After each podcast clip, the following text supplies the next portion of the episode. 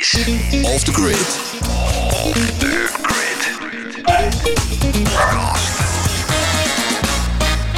Het is eh, 24 november 2020. Welkom bij aflevering 3 van het tweede seizoen van Off the Grid. Ja, zijn naam is Pieter Jan van Wijngaarden, ondernemer van Grid en eh trotse bezitter van de hond Meili, die je op de achtergrond volgens mij hoort. En hij heeft ook nog een schoonmaker over de vloer. Ja, dus volgens mij is dat de reden ook waarom ze blaft inderdaad. Ja, er was niks anders te doen, aan te doen eh, deze keer. Ik, eh, ik moest wel de oppas van Meili eh, hebben vandaag. Dus, maar we gaan er een mooie aflevering van maken. En zijn naam is Dirk van der Pol, organisatiejournalist bij Kessels Smit, de Broadcasting Company. En zit op de mooiste werkplek die er is, namelijk Grid Malibaan 45. En als een werkelijke ster zit hij daar te stralen op de sterrenzolder. Wat zeg je dat toch weer filosofisch mooi. Eh, in het tweede seizoen van Off the Grid gaan we op zoek naar de werkplek van de toekomst. Hoe richten wij straks na corona onze werkplek in? The Grid. Off the Grid. Met deze week Deze aflevering staat de vraag centraal: hoe richt je jouw thuiskantoor in? Nu we meer thuiswerken, wordt er ook wat gevraagd van je werkplek. Hoe richt je deze zo goed mogelijk en Arbo-proof in? Waar moet je op letten? Zeker nu blijkt dat twee op de vijf mensen kampen met fysieke klachten naar aanleiding van het thuiswerken. Aan het einde van deze aflevering krijg je een werkplektip. En straks brengen we het laatste nieuws over werken bij de locaties van Grid en ook uit de media. Off the Grid. Podcast. Podcast. Met Van Wijngaarden en Van der Pol. Pieter Jan en Dirk. Maar eh, we beginnen met proeven. Elke aflevering eh, van dit seizoen eh, proeven we iets dat eh, ons werken smaakvoller en, leuker opmaakt. En vorige week hadden we eh, die heerlijke dubbelbok biertjes van Brand. En deze keer eh, blijven we in de alco- alcoholische sfeer, hè Dirk? Ja, zeker. We blijven in alcoholische sferen. Off the Grid. Ja? Ja, graag. Zo. Beetje walsen, beetje lucht erbij. Ja, ja. Ja, dit komt van eh, Huber. Alte Setsen. Ja. Ja, ja. U weet wat het kost, want de tijd is bijna om bij Harry. Nee, hoe duur is die? Ja, twee keer de helft. Maar dit doe ik niet in business class, dit doe ik alleen maar in first class. Oké, dit is een echte wijn. Dit Dit, is echt Oké. top, ja. Het komt uit Oostenrijk, dit is 2017. Dit kan nog even liggen, maar is nu op dronk. Maar je mag gewoon uitspugen. Als jij het niet lekker vindt, jij... Heerlijk. Oké. Off the Grid. Fragment uit een van jouw eh, favoriete programma's, hè Dirk? Oh man, ik kijk, ik kijk met heel veel plezier altijd naar eh, VI. Maar, ehm, eh, en ook naar business class vind ik ook heel interessant. Hè, met niemand minder dan Harry Mens. En ik moet altijd zo lachen dat René van der Gijp zo stuk gaat over... ja, hoe Harry Mens het dan weer doet. Dat hij bij iedere aflevering een wijntje proeft en dan eindigt met lekker wijntje. dus dat vind ik wel mooi. Het is overigens wel leuk om te weten. Het is eh, voor 12 uur en eh, ik voel me nu wel echt een beetje een alcoholist, Pieter Jan. Ja, want... eh, Maar alles voor, de, alles voor de fans, hè? Zo is het. Maar de vorige keer moest je last minute naar de supermarkt voor dat bokbier. Omdat je, je was iets vergeten hè, in de auto. Ja, klopt. Ja, mijn vriendin die was naar de werk met de auto. En wat lag daar in die auto? Natuurlijk die fles wijn die we eigenlijk de vorige aflevering hadden willen proeven. Nou ja, goed, dan doe ik het maar nu. Hè. Dus dat gaan we doen. Dit is rode wijn geïmporteerd door Martijn de Kleuver. Eh, eh, Martijn de Kleuver, eh, wel bekend van Wijn van Martijn, levert de wijn op de Malibaan, Malibaan 45. En je moet eigenlijk niet ploppen, maar ik doe het toch een klein beetje. Maar jij doet het voor de, voor, de, voor de luisteraar natuurlijk. Hoe ruikt die? Ja, de kurk ruikt goed in ieder geval. Geen, eh, Haal die kurkens uit je neus, man. oh, goed. en wat, wat drinken we, Dirk? Het is een uh, Richemé. Richemé, ja? Ter Emer. En ehm, eh, de druivensoort eh, is een combinatie van Marcelin en Syrah. En Marcelin, ik heb even contact gehad met Martijn, maar dat is een kruising tussen Grenache en Cabernet Sauvignon. Oké, oké. Dus, Zou je jezelf ook een beetje typeren als een wijnkenner, Pieter Jan? absoluut niet. Het staat nog wel op mijn eh, lijstje om ooit eens een goede wijnproeverij te doen. Ik heb het een aantal keren eh, geproefd eh, bij Martijn. Destijds toen hij nog in de winkel had en ook op de Manibaan deden we dat vroeger om de wijncollectie zeg maar, te bepalen. Deden we een wijnproeverij met Martijn en dan kozen de bewoners de wijnen uit voor het komende half jaar. Dus misschien wel een leuk idee om dat nog meer te gaan doen. Nou, proost. Eh. Proost, eh, chin chin. Ja, je zou bijna willen proosten letterlijk, maar dat gaat nu niet.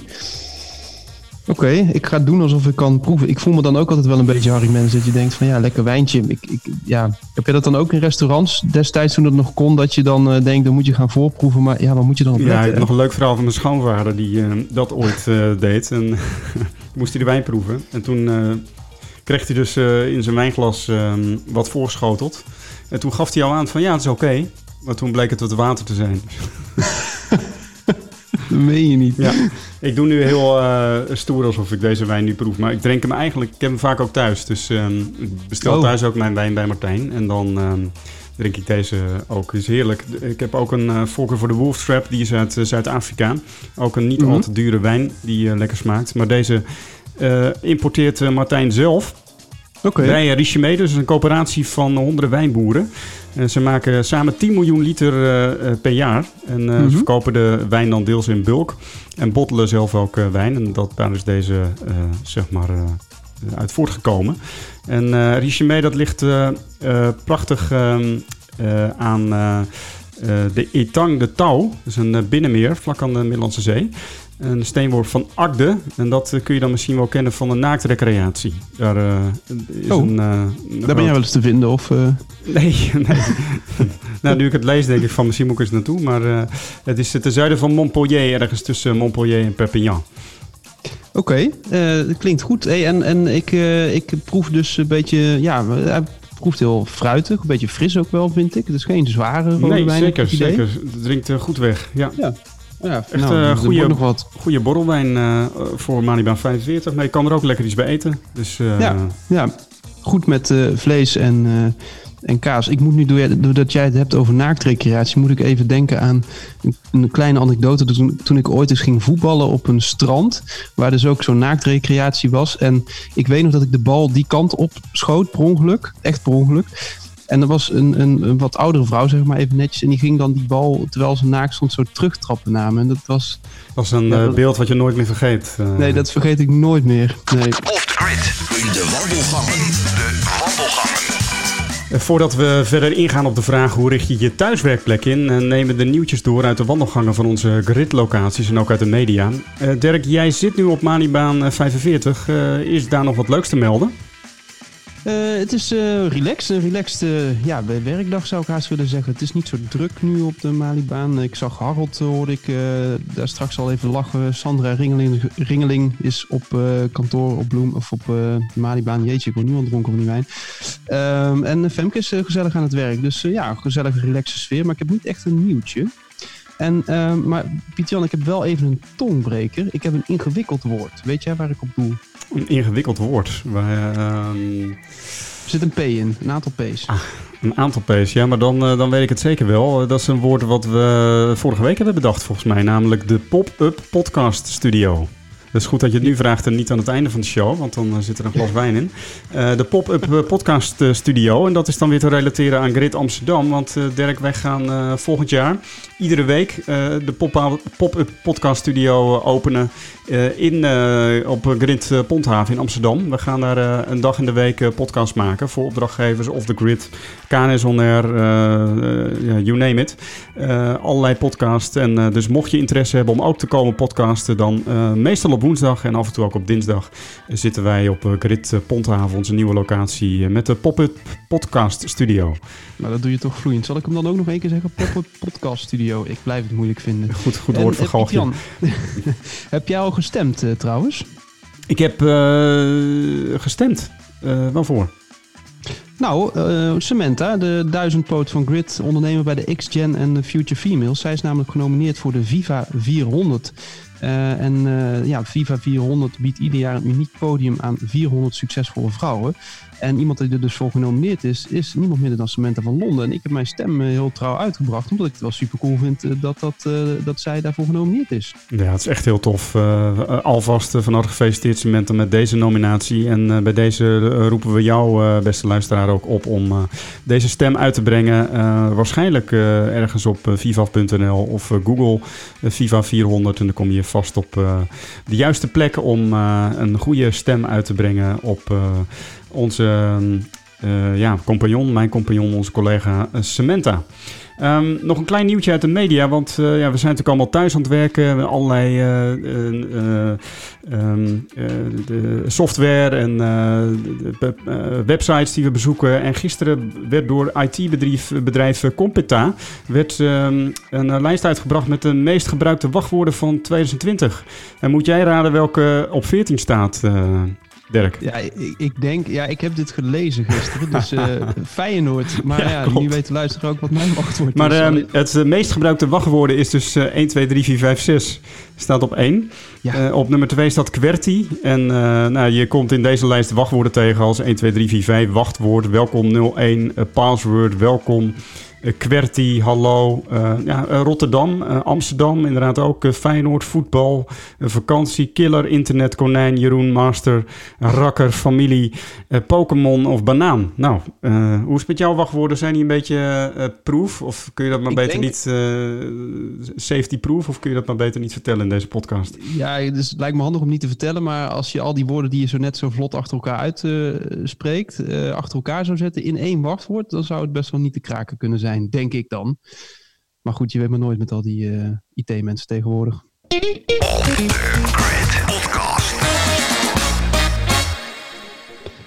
Ja, het is tijd om eh, de centrale vragen in te duiken, Pieter-Jan. Eh, je hebt dat wijntje wel heel snel op, eh, valt me op. Ik heb Ja. nog een keer bijgeschonken. Nee, zo erg is het niet hoor. Ik, Oké. ik heb een heel groot glas, maar ik ben inderdaad lekker van aan het nippen. Ik heb gelukkig net nog wel even een krentenbol naar binnen gewerkt. want ik ontbijt meestal vrij laat. En nou, dat moet je niet hebben natuurlijk, dat je eerder aan de wijn zit dan aan het ontbijt. Nee, en het scheelt misschien ook dat je net nog even een wandeling met Meili hebt gedaan. Ook dat. Eh, Ik ben eh, helemaal fris in de benen. Dus eh, Ja. ja. Ja, moet lukken. Hey, maar we gaan het hebben over eh, hoe richt jij jouw thuiskantoor in? Dat is eh, de vraag. En eh, dat komt in het trouw lazen we dat twee op de vijf mensen last heeft van fysieke klachten door het thuiswerken. Ehm het stond in een artikel op 27 oktober eh, jongstleden. Eh, de vakbond CNV deed namelijk onderzoek onder 2500 van haar leden middels een enquête. En twee op de vijf ondervraagden eh, gaf dus aan last te hebben van fysieke Dat is klachten. echt veel, hè? Dat is bijna de helft, hè? ja, dat is echt veel. Ja. Dus eh, dat is echt, en dan heb je het over pijn aan de nek, rug, arm, schouder. En eh, zelfs eh 1 op de 10 eh, brengt sinds het thuiswerken vaker een bezoek aan de fysiotherapeut. Ja, maar dat is niet alleen eh, problematisch natuurlijk. Fysiotherapeuten kunnen heel goed masseren. Dus eh, dat is natuurlijk ook gewoon eh, soms... eh, ook als je geen klachten hebt, is een fysiotherapeut eh, goed om te bezoeken. Gewoon even lekker. Ja, Precies. fijn. ik ben nog nooit naar de fysiotherapeut geweest. Nou ja, goed. Eh hey, Piet Jan, hoe heb jij eigenlijk jouw eh, thuiswerkplek ingericht? Ja, ik zie dat nu natuurlijk wel een beetje. Ik weet het ook wel. Maar kan je de luisteraar ook eens meenemen? Nou, ik heb een hele kleine zolderkamer van, eh, wat is het, 6 vierkante meter. Daar staat een bureau in van de IKEA die op hoogte verstelbaar is. Eh, dus nu sta ik achter mijn kantoor. Vind ik altijd fijn om podcast en radio te maken. Maar ik heb hier ook een, eh, een stoel besteld eh, van hetzelfde bedrijf, Human Skill. Van, waar we op ehm, Malibaan en eh Pontehaven en Bloemenheuvel ook stoelen van hebben. Die witte stoelen. Eh, en daar kan ik gewoon dan, als ik echt dingen moet schrijven of eh, moet typen, kan ik daar ook lekker eh, aan zitten. Ehm, ik heb een extra scherm, zeg maar, dus ik zie jou nu op een televisiescherm. Dat is wat minder intens dan een computerscherm. Gewoon een Samsung eh, schermpje van eh, nou, 150 euro of zo. En daarbovenop staat een externe webcam. Dus ik gebruik niet de webcam van, eh, van de MacBook, maar van de webcam. En, die, en die, dat scherm en die webcam staan op ongeveer een meter van me af. En eh, zo kan ik jou goed aankijken en kan ik ook gewoon op mijn computerscherm kijken. Ja, er staat hier een mengpaneel, externe microfoon en ik heb wat geïnvesteerd in lichten. Ik ben helemaal Philips Hue eh, fan, dus ik heb hier Oh ja. eh, lichten die ik in kleur kan verstellen. Eh, dat zie je nu niet echt trouwens, omdat ik het gordijn niet dicht heb. Maar, en ik heb eh, boven mij hangt een LED-licht om eh, de frontale verlichting goed te doen. Want er is niks zo irritant als met iemand videobellen die op de achtergrond heel veel licht heeft. En Ja. zelf niet. Dus daar heb ik in geïnvesteerd inderdaad. En omdat het LED is, wordt het niet warm. Dus, want dit kamertje wordt wel heel snel warm.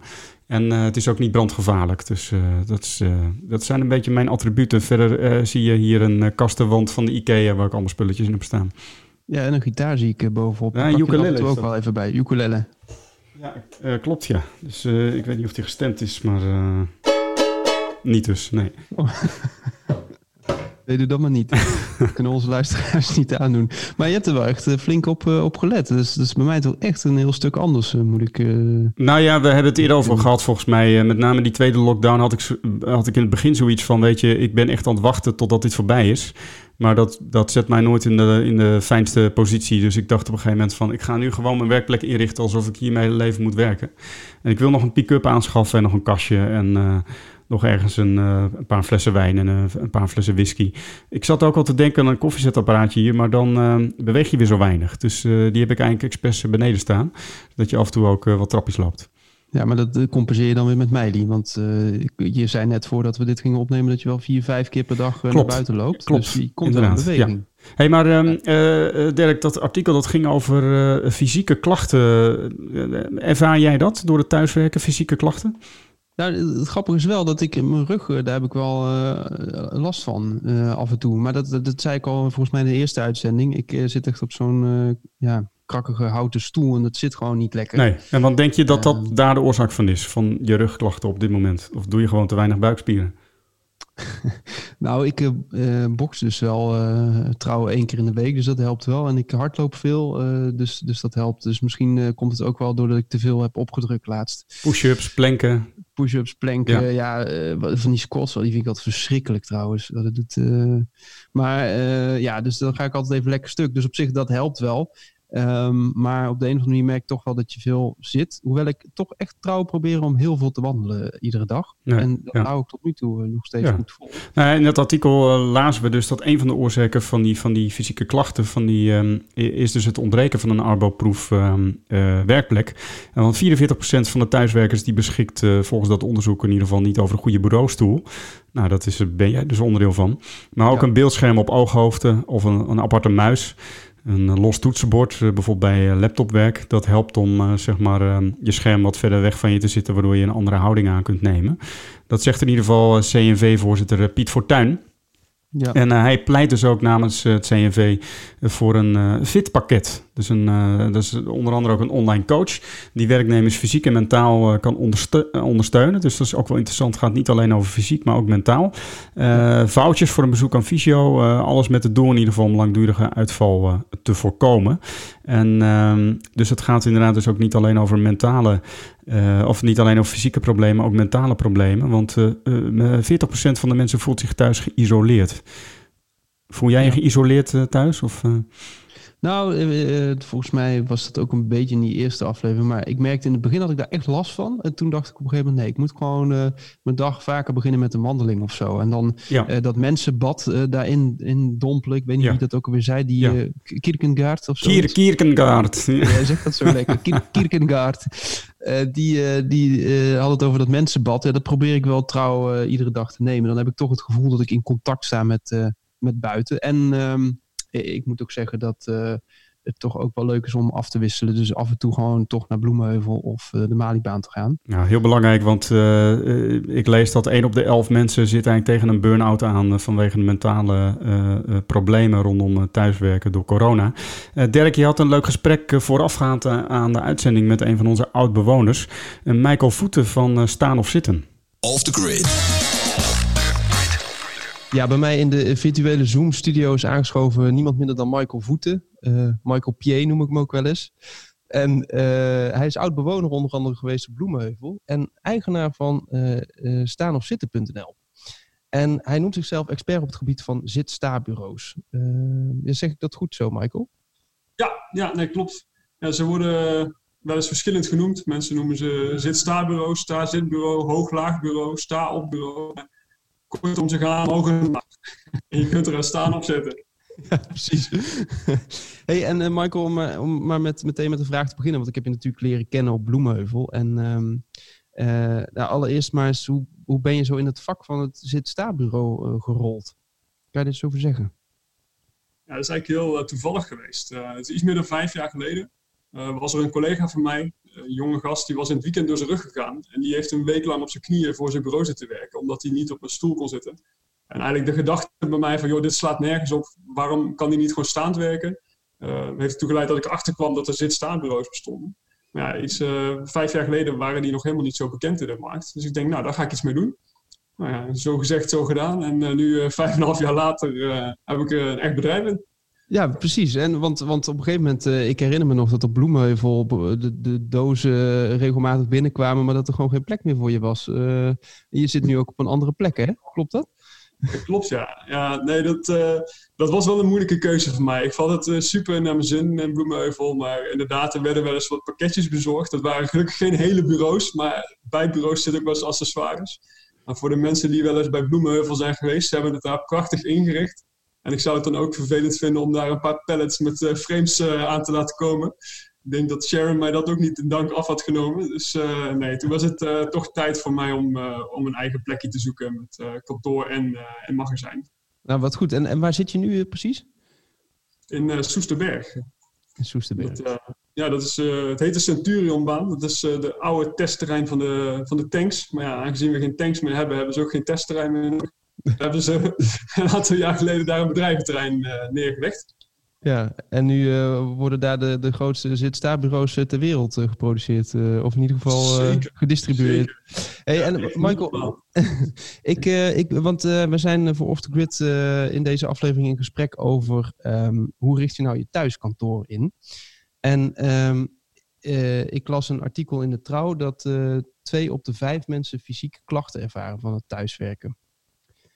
Dat geloof ik wel, ja. Ja, en eh, ik vroeg me af, wat is nou volgens jou belangrijk eh, als je zo'n thuiswerkplek inricht? Ja, ik denk dat het voor iedereen anders is. En eh, ik geloof echt wel dat er heel veel mensen zijn die met klachten thuis zitten nu. Want iedereen zit bijvoorbeeld aan de eetkamertafel te werken. Echt in de meest onergonomische houding die je maar voor kunt stellen. Ehm, nou, als je gaat kijken naar wat zijn de basiselementen, ik denk dat gewoon een, eigenlijk een bureau en een stoel zijn het allerbelangrijkste. Maar als je al geen ruimte hebt voor een bureau, ga dan in ieder geval voor een goede bureaustoel. Ehm, wat belangrijk daarbij is dat je die twee gewoon goed op elkaar af kunt stemmen. Dus Ja. stel je zit aan de eetkamertafel. Een, eh, een eetkamertafel is gemiddeld wat hoger dan een bureau. Dus je zult ook je stoel hoger moeten zetten. En dus als je daar de hele dag aan werkt, dan moet je gewoon een bureaustoel hebben die hoog genoeg kan. Ja, kun je dan bijvoorbeeld niet meer bij de grond, ja, dan heb je een voetenbankje nodig. Maar ja, daar houdt het niet helemaal op, want je kunt nog zo'n goed bureau of zo'n goede stoel hebben. Maar als het heel donker is, dan zul je ook voor goede verlichting moeten zorgen. Als je tegen het licht in zit te kijken van de zon die naar- van buiten schijnt, ja, dan heb je zonwering nodig. Dus ik denk dat echt een goede werkplek inrichten thuis, dat is gewoon heel persoonlijk wat iemand daarvoor nodig heeft. Dat is echt afhankelijk van je situatie. Ja, en, en daarbij zeg je ook wel van eh, je moet eh, wel eh, opletten op de juiste combinatie tussen de tafel en de stoel, dat die, eh, dat die hoogtes goed kloppen. Ehm, en, en dus ook inderdaad dat je wel zorgt voor een plek waar je ook wat licht hebt. Ja, tenminste, de, de meeste Ja. mensen gaan daar wel wat beter op dan in een, in een donker hol zitten, kan ik me zo indenken. Nou, wat ook, eh, als mensen dit luisteren en die zitten zelf bijvoorbeeld op hun laptop, dus letterlijk op het toetsenbord van hun laptop te werken aan de eetkamertafel, dan ben je eigenlijk met de slechtste houding bezig die je voor kunt stellen. Wat zei, wat zei je als laatste? nou, dan ben je met de slechtste houding bezig die je voor kunt stellen. Dus als je echt op je laptop zelf zit te werken aan de eetkamertafel, gewoon op een eetkamerstoel. En dan heb je misschien geen om een hele week te richten, maar dan zijn er echt wel betere stappen mogelijk. Dan Ja. eh, moet je denken aan een eh, extern toetsenbord en een laptop standaard. Of inderdaad een, eh, een andere stoel of iets dergelijks. Dus je je hoeft kunt niet per se alles helemaal om te gooien. Het zit soms in kleine dingen. Oké, en ehm, als je nu kijkt, hè, eh, iets waar Pieter Jan wel nieuwsgierig naar was, was eh, is er eigenlijk, eh, wat is nou het verschil tussen een thuiswerkplek en een kantoorwerkplek of een plek op kantoor? Kan je daar iets over zeggen? Nou, in principe is daar geen verschil tussen. Want ja, waarom zou er een verschil tussen zitten? Als je daar de hele dag aan het werk bent, dan zou het eigenlijk hetzelfde moeten zijn als een kantoorwerkplek. Het enige is dat we nu in een hele vreemde situatie zitten, want ja, dit is niet voor altijd. Dus, ja, je hoort wel verhalen om je heen van mensen die zeggen, nou, ik denk dat ik straks ook wel heel veel thuis zal werken. Ja, dat valt nog maar te zien. Het is natuurlijk altijd het verschil tussen wat mensen zeggen en wat mensen daarmee gaan doen. Dus als we Ja. straks weer massaal terug naar kantoor mogen, dan denk ik dat we dat toch ook alweer eh, met z'n allen gaan doen. Ehm, maar in principe moet jouw werk thuis, daar moet evenveel aandacht aan besteed worden als werkplekken op kantoor. Ja. Maar is dat zo? Want ik las bijvoorbeeld dat Vodafone Ziggo, die eh, gaat niet meer terug naar vijf dagen in de week mensen op kantoor ontvangen. Eh, zoiets. Of in ieder geval dat, dat meer thuiswerken gaat worden gestimuleerd. En dat je daar ook budget voor krijgt en, eh, om eh, je thuiswerkplek goed in te richten en dat soort dingen. Ja, dat is zeker. Ik denk ook zeker wel dat er ehm, een, dat een combinatie zal gaan worden. Maar er zijn ook mensen die zeggen, eh, wat, wat heet, ik heb al gehoord, die zeggen, we gaan gewoon de huur opzeggen, we gaan alleen maar thuis werken. Ja, Ik denk dat dat niet gaat werken. Ik bedoel, werk zo je zult altijd contact met je collega's eh, nodig hebben. Tenminste, veel mensen hebben dat nodig. Er zijn natuurlijk ook mensen die hartstikke goed varen bij eh, alleen maar eh, offsite werken. Mhm. Dat, dat kan prima. Maar dat, ik denk niet dat dat voor iedereen werkt. Nee, nee, oké. Nee, zeker. Ehm, eh, want ja, je zei ook al, hè, het is een beetje een rare tijd. Wat merk jij nu in, in jouw business? Eh, krijg je veel vragen van, uh, goh, richt mijn thuiswerkkantoor in? Of eh, ja, hoe, hoe loopt dat eigenlijk? Ja, op het moment wel. Het is, eh, begin van het jaar was het een hele aparte tijd. Want nou ja, mensen moesten thuiswerken, maar ze hadden zoiets van, joh, we kunnen toch binnenkort wel weer naar kantoor.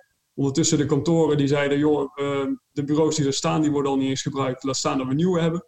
Dus eigenlijk eh, lag de markt wat mij betreft een beetje stil. Eh, maar de laatste tijd merk ik dat allebei de dingen wel weer aan beginnen te trekken. Dus er zijn veel mensen die toch nu de stap gaan zetten van, joh, ik ga toch thuis wat inrichten. Ofwel met ofwel zonder hulp van een, eh, van een werkgever, want daar hoor je ook verschillende verhalen over. Maar er zijn ook werkgevers die gewoon weer bezig zijn met het eh, omgooien van een kantoor bijvoorbeeld. Dus daar investeren, ook het aantrekkelijk maken straks voor de mensen om toch weer naar kantoor te komen. Eh, te- om toch te stimuleren dat ze misschien niet allemaal alleen nog maar dagen thuis gaan zitten. Maar dat Ja. ze er een beetje inderdaad die combinatie in zullen gaan maken. Dus het is een beetje af, bedrijfsafhankelijk, denk ik, eh, waar ze de voorkeur voor hebben. Ik heb ook al bedrijven gesproken die zeggen van nou, ik heb het liefste al mijn mensen gewoon nog steeds op kantoor. Ja. Ik heb ook bedrijven gesproken die zeggen van nou, van mij mag iedereen thuis blijven. Dat is ook prima. Oh, wat, eh, wat leuk. Hey, en eh, tot slot heb je nog één soort gouden tip die je ons zou willen meegeven als het gaat over hoe zorg je nou voor de optimale thuiswerkplek?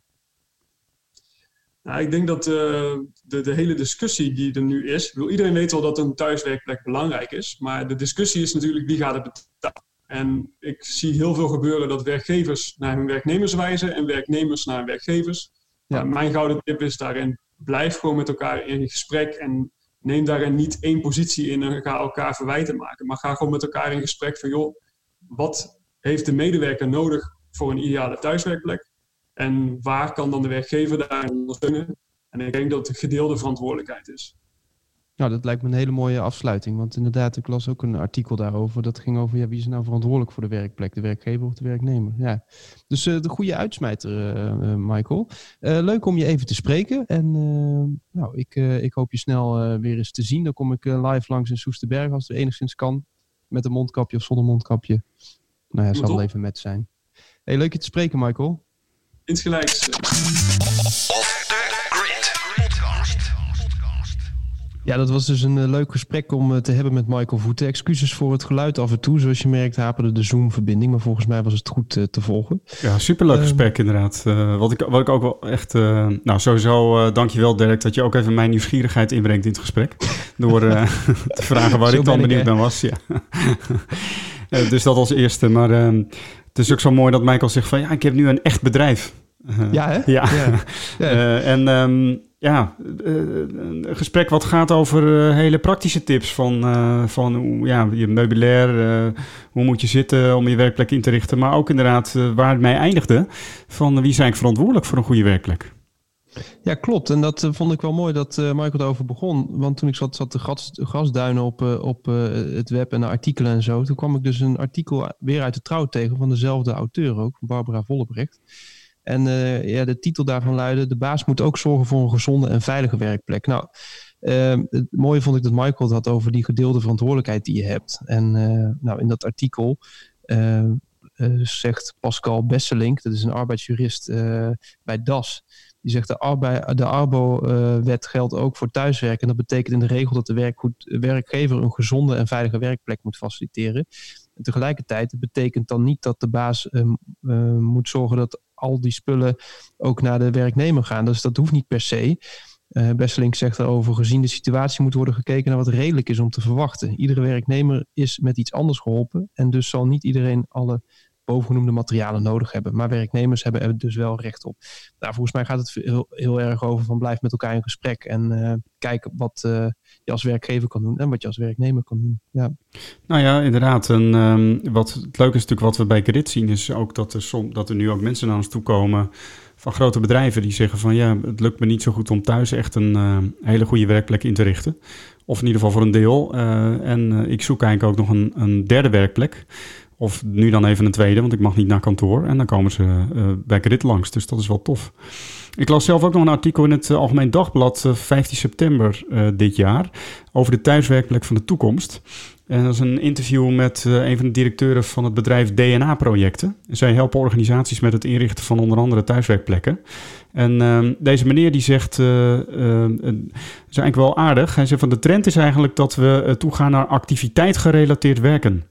En okay. dat is dus iets anders dan je kantoor inrichten zeg maar op basis van kostenbesparing. Je zou eigenlijk... Uh, schenk nog even in, uh, Dirk. Ja, sorry. Ik schenk nog even bij, ja. Het is half twaalf, dus ja. ik heb het net ook gedaan, maar dat hoorde je niet natuurlijk.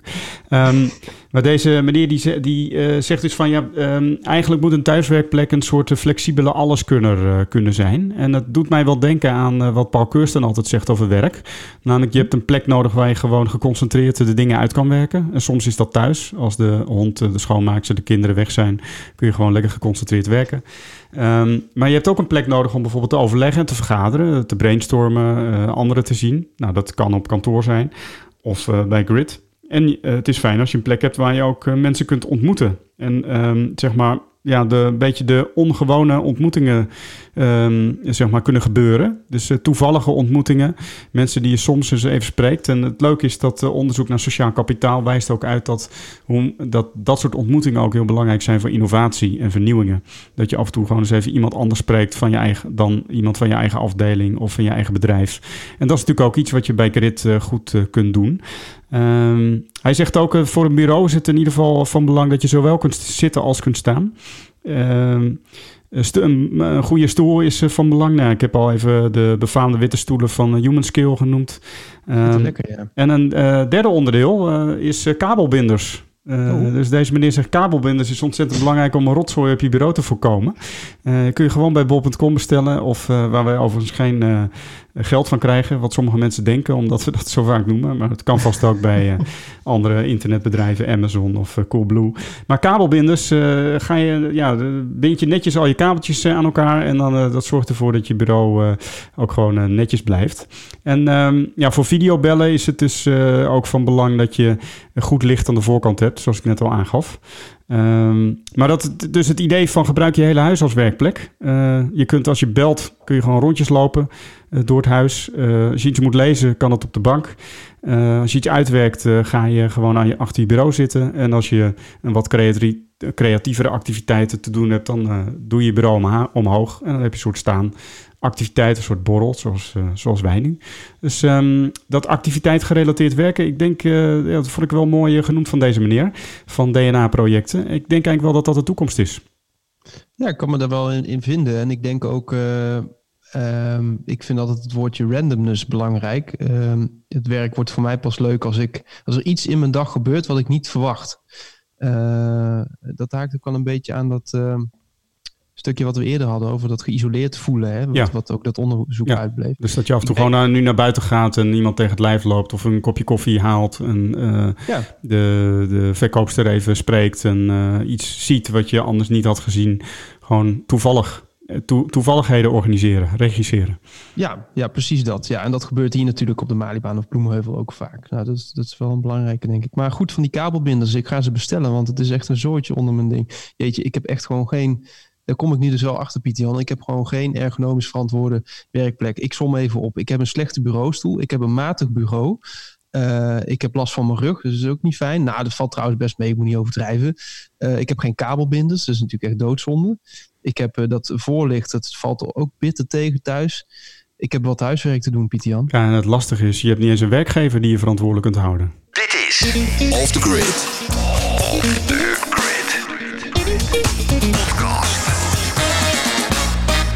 Hey Dirk, nog even ter afsluiting. Uh, mochten mensen nou het idee hebben van... hey, zo'n uh, bureau uh, wil ik ook wel aanschaffen. Ik ben wel benieuwd naar staan of zitten. waar kunnen ze terecht?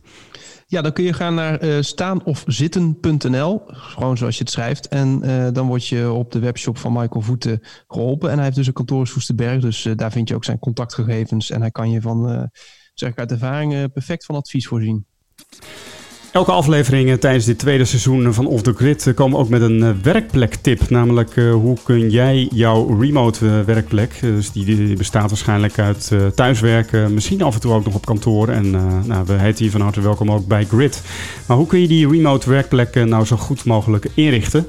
Um, en ja, vandaag denk ik een hele bijzondere werkplektip. Off The Grid. Yeah, just protecting those moments because people take for granted uh, encounters, and um, I just want to protect her. You know, mm. I don't want her to go through anything I went through. I don't wish that upon anybody. Yeah, if she ever needs me, I'm I'm just a call away. Do you realize how important the story is? every time I have a conversation with someone who's been through this unique type of experience, mm. I'm just I'm searching for some kind of truth that can help. Vind, ik vind het heel cryptisch dit. Ja, dit is een uh, fragment uh, van een interview wat uh, Zane Lowe, een bekende DJ, had met Justin Bieber. En um, in de New York Times uh, stond een, um, een artikel over Zane Lowe met als titel How Zane Lowe Became a Pop's Unofficial Therapist. Um, en ik moet, me zeggen, ik moet zeggen dat ik me een beetje aan het onderdompelen ben in zijn interviews. Maar dat is nog niet eens de werkplektip uh, die ik heb. Um, het nadeel is wel dat uh, je daarvoor geabonneerd moet zijn op Apple, pod, uh, Apple Music. Want Zane Lowe is degene die eigenlijk ja, leiding geeft uh, de Apple Music. Maar ook een uh, aantal muziekshows uh, zeg maar, produceert en ook presenteert. Onder andere Beats One. Dat is een van de belangrijkste muziekshows, radioshows van Apple Music. Waarin heel veel nieuwe muziek voorbij komt van allerlei snit. Maar um, het, uh, die Zane Low, dat is dus een, ja, vind ik een hele fijne interviewer. Ik leer daar veel van ook als radiomaker, hoe hij interviewt. Het is een beetje een, uh, ja, een kruising tussen een coach en echt een hele goede DJ. Je hoorde dus een fragment over dat hij Justin Bieber interviewt. En Justin Bieber is dus aan het huilen. zo heeft hij ook een interview gehad met Haley Williams. En ehm, ja, ook tranen. Nou, niet dat tranen altijd tot succes leiden. Maar vaak is het wel, zegt het wel over dat mensen dus blijkbaar iets prijsgeven wat ze op andere plekken niet doen. Oké, okay. en dat is ook jouw tip? Uh, nou, de tip is dat... Een uh, therapeut. Uh, ja, precies. Ja, ja. Nou, sowieso als je van interviewen houdt... zou ik echt eens een keer een interview eh, door hem beluisteren. Want dat is ja, waanzinnig leerzaam en leuk. mijn tip was eigenlijk dat hij heeft een, um, een, series, een serie is die begonnen... en die heet At Home With... En uh, ja, dat is vrij vertaald is dat dus uh, thuis met. En uh, bijvoorbeeld Elton John of um, Rick Rubin, allerlei artiesten. En die delen dan hun afspeellijsten met Zane Low. Dat is eigenlijk de muziek die zij thuis luisteren. En dat is zeg maar ingegeven ook door de corona. En uh, Zane Low heeft dan een interview met hen. En dat duurt ongeveer een uur.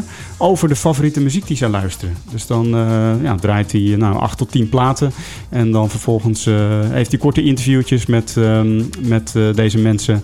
En vraagt hij ook nou, niet per se over de thuiswerkplek. Maar natuurlijk door zo'n videobelverbinding ziet hij ook iets over wat er daar zeg maar in huis allemaal zich afspeelt en gebeurt.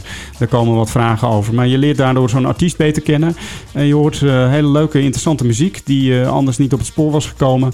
En dus een hele goede interviewtechniek, vind ik zelf in ieder geval, door Low. Dus um, ik dacht, als je thuis aan het werk bent of je zit in de auto of in de trein om af en toe naar Grid te komen, is het misschien leuk om eens te googlen op Low. En als je natuurlijk geabonneerd bent op Apple Music, dan kun je gewoon die, ehm, die interviews gewoon ook beluisteren. Volgens mij is de eerste drie maanden gratis. Je kan ook even zeggen van nou, de komende drie maanden doe ik even gratis. En dan ga ik ook luisteren. Maar um, ik heb, uh, beleefd er op dit moment heel veel plezier aan. Zelfs zoveel dat ik ook denk van ik zou het zelf eens moeten gaan doen. Zo uh, iemand gaan interviewen eh, aan de hand van vijf favoriete platen. Lijkt me echt waanzinnig leuk. Ja, dat is een heel goed idee. Dus nou, ben jij bewoner op Grid, van Grid? Wil je zo'n interview met Pieter Jan of mij? Laten we dat doen. Hartstikke leuk. At home with... with At home with Pieter Jan. With, or Derek, ja. Gaat lekker met die wijn ook, hè, trouwens? Ja, goed, hè? Ja, dat, uh, dat, maakt het allemaal net wat uh, smoother.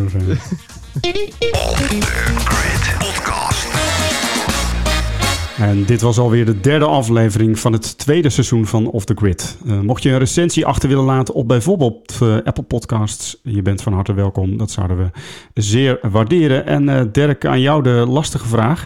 De volgende keer gaan we het hebben over... Ja, een best wel ingewikkelde vraag. Um, hoe creëren we met minder mensen op de werkplek toch een bepaalde ervaringsdichtheid per vierkante meter? En Pieter Jan, je moet mij toch even uitleggen waar deze vraag vandaan komt. Nou, dat uh, wil ik uh, heel graag doen. En de uh, volgende aflevering gaan we het uiteraard uitgebreid over hebben. Ik ben een fervent lezer van de column van Roland van der Vorst in de weekendbijlage van het Financieel Dagblad. En hij schreef op een bepaald moment over het feit dat we nu te maken hebben met het, ja, doordat we met minder mensen bij elkaar kunnen komen op een vierkante meter, doet dat ook iets met onze ervaringen.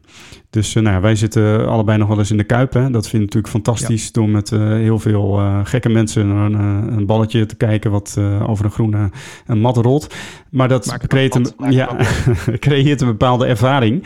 En die ervaring is er nu niet. Maar die ervaring heeft ook iets te maken met het feit dat je gewoon met heel veel mensen op één vierkante meter staat. En uh, nou, dat zou je ook kunnen doortrekken naar de werkplek. Dus um, natuurlijk denk ik ook dat we soms uh, zeggen van nou, zo dicht uh, bij elkaar hoeft het ook niet altijd. Maar het feit dat je met een, uh, nou, een, een, een, redelijke groep gewoon in een ruimte bent, daar kan ook creativiteit ontstaan, daar kan een bepaalde ervaring ontstaan die we nu missen. En uh, die ervaringsdichtheid. Uh, van der Vorst die stelde zichzelf de vraag: zou je die ook op een andere manier kunnen organiseren? Dus zou je, en hij, hij noemt dat eigenlijk twee businessmodellen. Dus, je die aflevering al aan het maken. Ja, eigenlijk wel. Maar dat is waar het vandaan komt. en daar gaan we naar op zoek in de komende aflevering. Hoe creëren we met minder mensen op de werkplek toch een bepaalde ervaringsdichtheid? Top. Hey, uh, ja, blijf luisteren, blijf reageren, bijvoorbeeld op LinkedIn. Uh, ja, heb je tips, suggesties of feedback, dan is dat meer dan van harte welkom. Uh, dus mocht je een gouden tip hebben om jouw remote werkplek plezieriger in te richten en wil je dat delen, laat het ons weten. En wil je nog meer afleveringen luisteren van Off the Grid? Je vindt ons via www.grid.nl, dat schrijf je G-R-Y-T-T-E, of via je favoriete podcastspeler. Dit is Off the Grid. Off the Grid. Podcast.